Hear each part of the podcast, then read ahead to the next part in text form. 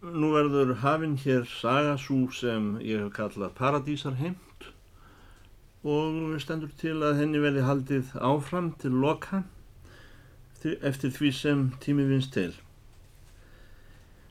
Ég mun fylgja sögunni úr hlaði með nokkrum forspjálsorðum sem rítuð voru að undirlægi þess útgefanda sem gaf út bókina í Bandaríkjum Kroll Company New York og mm, gefin út í sérstökum beklingi þar vestra en hefur aldrei heyrst á íslensku fyrr.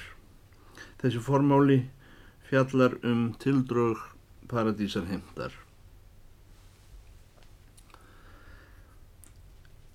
Lesendur úr ímsum áttum spyrja hvað hafi teikt mann svo langt að rekin sem mig, borinn og barnfættan á Íslandi.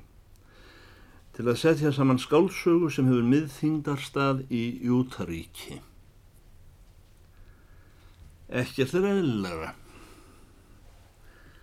Margir meðal okkar trúa að einhverju leiti á fyrirheitnalandið þar sem sannleiki ríkir og fögnuður býr. Og jafnvel þeim sem ekki trúa beint á landið sjálfur finnst dásamlegt til þess að vita að aðrir skuli gera það. Þetta land er ekki umfram allt af heimi landafræðinar, þó landafræði geti stundum samrýmst því. Dásamlegast af öllu er samt að sannleikur þess er ofar staðrindum. Þó til síu þær staðrindir sem samrýmast honum. Má vera að hugmyndin um þetta pláss sé eins og grundvallar hugmynd sem er innborinn mannkininu. Sumir fugglar virðast einnig hafa þessa hugmynd og alveg áreiðanlega margir fiskar. Sérstök tegund raunsægismanna sem vant er að kalla hugssjónamenn eru sífælt að bera sig að koma þessum draumi saman og heim við landafræðina og reyna að beigja staðreindirnar undir sannleik hans. Margvíslegir hafa tilburðir manna verið með þetta í heiminum. Margir góðir menn hafa lagt á stað að leita þessa undra lands.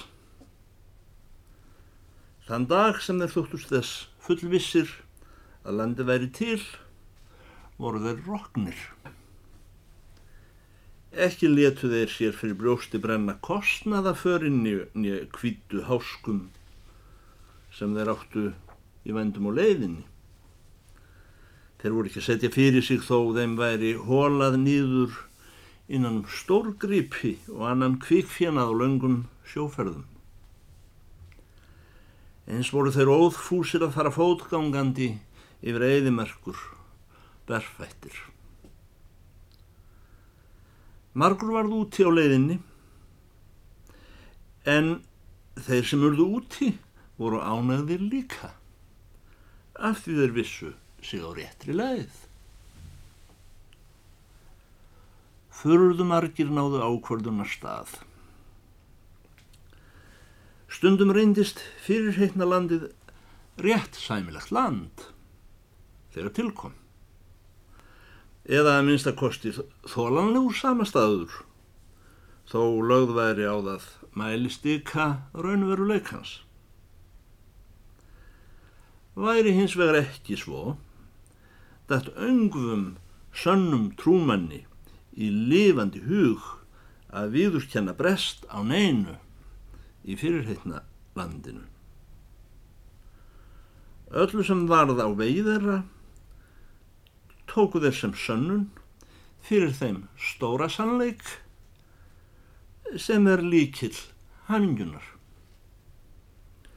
Raunir og slís, basl og voleiði knýðu þeir fyrir sér með þrætu bók.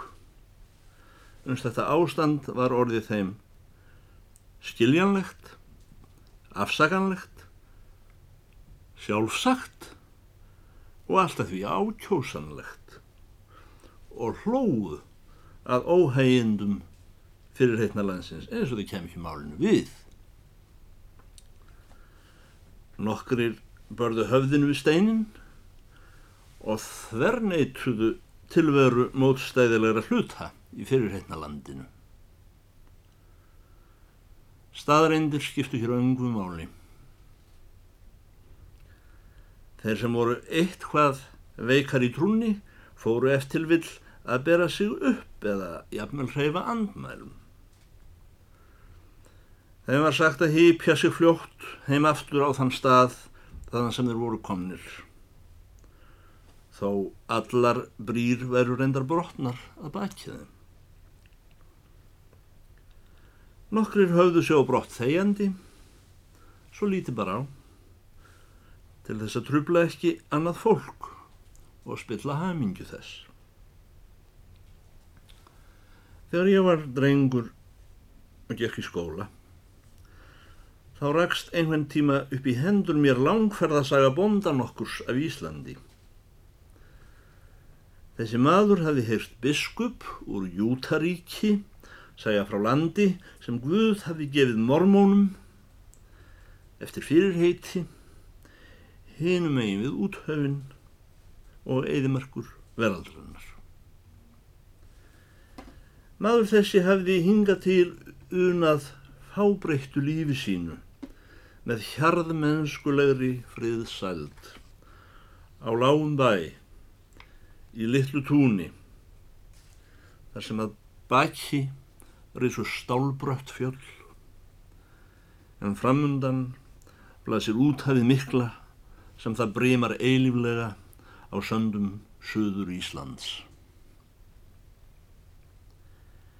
Nú hafði maðurinn að óvörum orðið hugfangin af þessari óviðjafnanlegri hugmynd um fyrir heitna landið sem heiminin er í beinu framhaldi af því landi og ekkit á milli. Einan ótt meðan allir sváðu reysa nú rekju í koti sínu lágu þar sem fívill óks á þekkjunni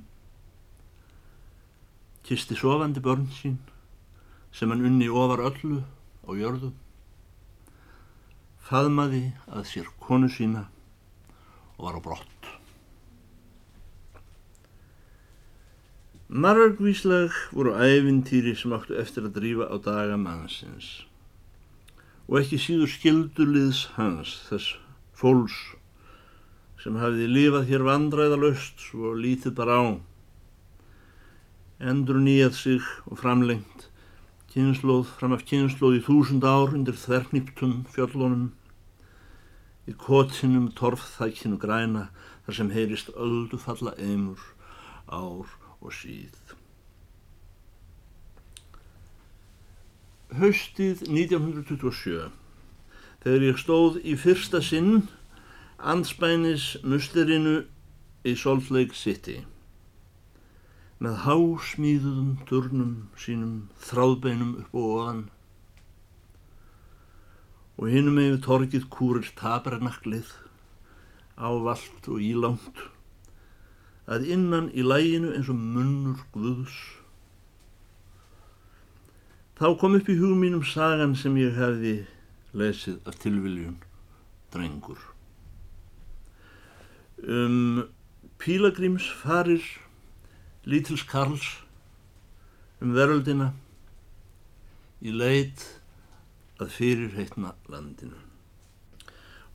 Og ef hægt var, enn viður hluta meiri raunir sem fólk hans rataði í eftir að hann var farin.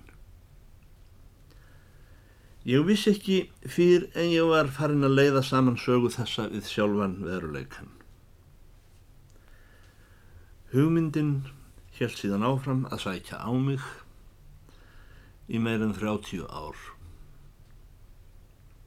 Aftur og aftur reyndi ég að draga saman þungamiðju þessa yrkisefnis í mátulega bók en náði ekki því taki sem þurfti. Mér hætti til að rugglast af ofmörgum ásjámálum sögunar. Smáatriðin vildu leiða mjög gönur. Stundum vissi ég að varla hvaðan mjög bara að eða hvert ég ætlaði. Nýja um hvað sagan væri. Ég glimdi við yrkisefnið í ýmsum samböndum, freistæði þess að fella ólík efnisatriði hvert við annað, en lengi vel vildi ekkert taka heima. Mér fannst aðalatriðið þið fyrirreitna land aldrei ætla að komast í brennipunkt. Og auk þess vildi bókin verða alltaf laung. Og þá myndist ég þess að bækur verða langar af því höfundurinn nær aldrei tökum á efni sínu. En góðar bækur eru stuttar. Og ég gafst upp árum saman. Satt best að segja held ég að til þess hægt sé að setja sæmilega bók saman um fyrirheitnalandið. Þá verði sá sem það gerir að hafa leitað þessa lands sjálfur og helst fundið það. Hann verður að minnstakosti að þekkja úr lífi sjálfsín alla málavöxtu sem varða slíka stefnu hugarins. Hann verður að hafa lagt einhvern tíma í pílagrímsferðina sjálfur. Ferðast yfir höfin sjálfur á farrými sem hæfir tignarstiga kvikfjenaðar, gengið á sjálfsfótum yfir eðimörkina miklu, að minnstakosti í andlegum skilningi, og uh, slíkt þið sama barist í þeim stöðugum orustum ímist innra með sér eða út á við sem nöðsinn er að heia ár og síð um landið til að eignast það. Að upphafið ferðar sinnar vittnar pílagrímurinn í eldmóði eskunnar um drottin og lofar hann fúslega en leiðina verður hann að finna sjálfur. Menn þreyfa sig áfram í frum skóum hugmyndanna sem bækur verða aldrei nógu þykkar til að útskýra. Stundum rekst maður inn í öngstræti og verður að snúa við ef maður er þá ekki sokkin í kviksindi þar sem björgun er ógerleg nema fyrir krastaverk eða tilviljun.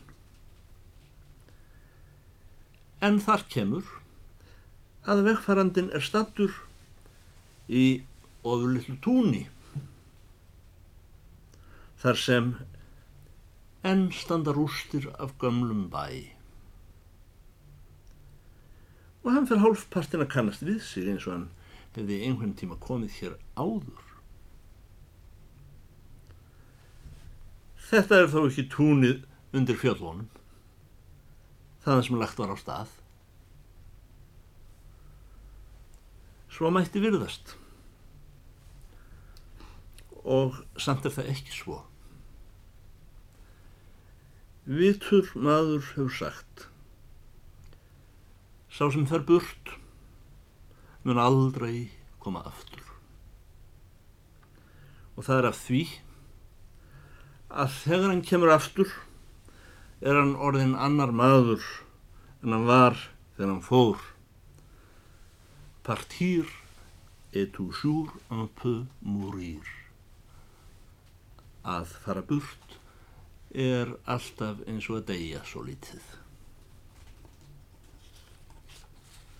Og millir túnsins, þaðan sem lagt var á stað, og túnsins þanga sem komir aftur liggja ekki aðeins konungsríkin og úthöfin á samt eðimörkum veraldarinnar heldur einnig fyrir hérna landið sjálft. Þegar ég loks tók til af alúð við paradísarhend á miðjum sjötta tug aldarinnar og yrkisefni fór að skapast og skengast í hug mér fannst mér nöðsin tilbera að vitja aftur þess staðar sem fyrir löngu hefði kveikt í mér ljós vegna þráðbeitnar hugmyndar upp og ofan anspænis flatri hugmynd ögn ávalri sem í þessu landi leikast á.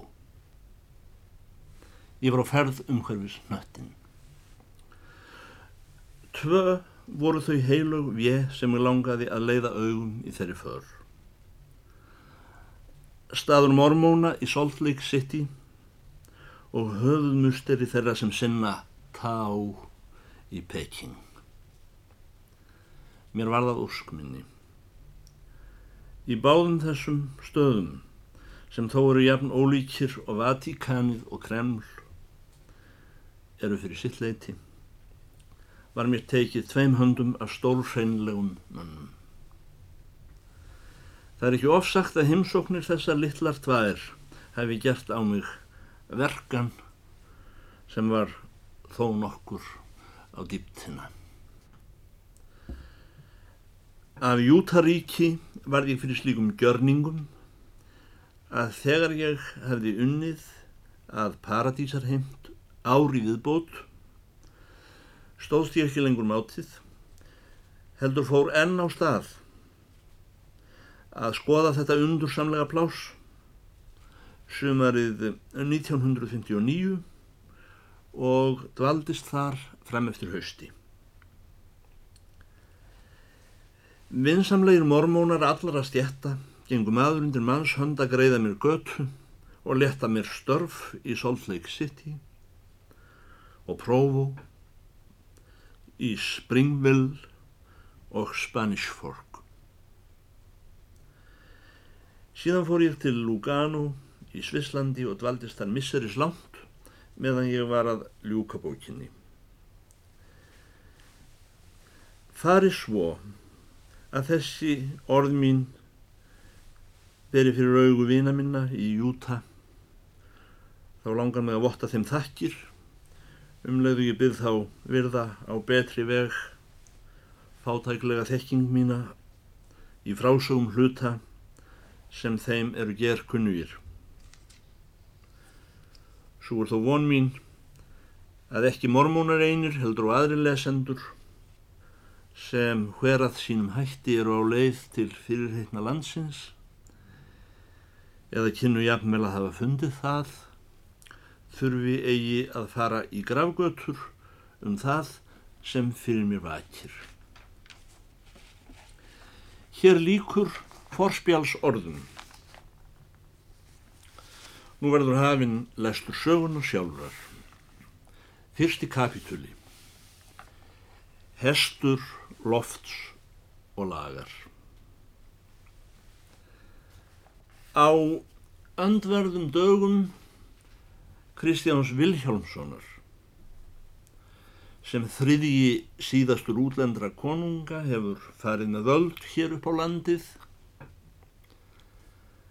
Þá bjó búi sínu að hlýðum í þeirri sveit sem heitir undir steinarhlýðum bóndisá er steinar hétt Fadir hans hafði látið skýra hans svo eftir, eftir grjóti sem hrundi ofan úr fjallinu vorið sem hann var í heiminn borin. Steinar var maður kventur og átti són og doktur á æskuskeiði þá er upphefst frásaga. Hann hafði fengið jörðina í hlýðum að erfðum. Á þessari tíð er sagan hefst, voru Íslendingar kallaðir fátækust þjóð í Norðurálfu. Svo höfðu og verið feður þeirra, afar og langfeðgar, allt aftur á daga fornmanna. En þeir trúðu því að langt aftur í öldum hefði verið gullöld hér á Íslandi. Þá voru Íslendingar ekki bændur og fiskimenn eins og nú.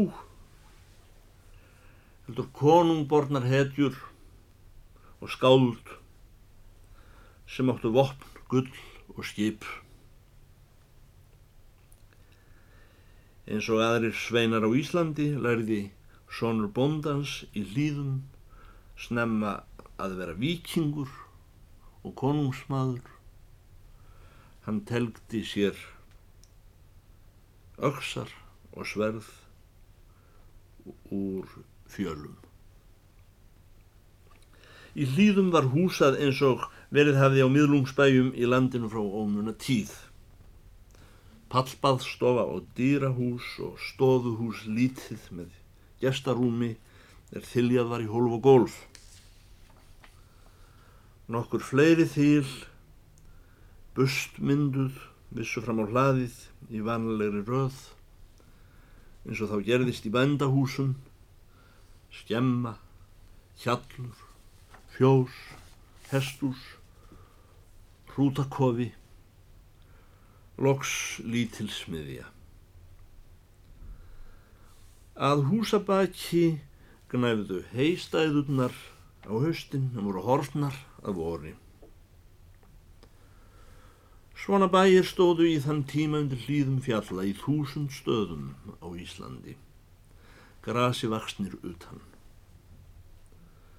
Sá þar sem við munum nú staðnæmast um sinn var fyrir þær sakir á gætur að bondin bætti upp með listfári umhyrðu það sem áskorti í höfðingskap.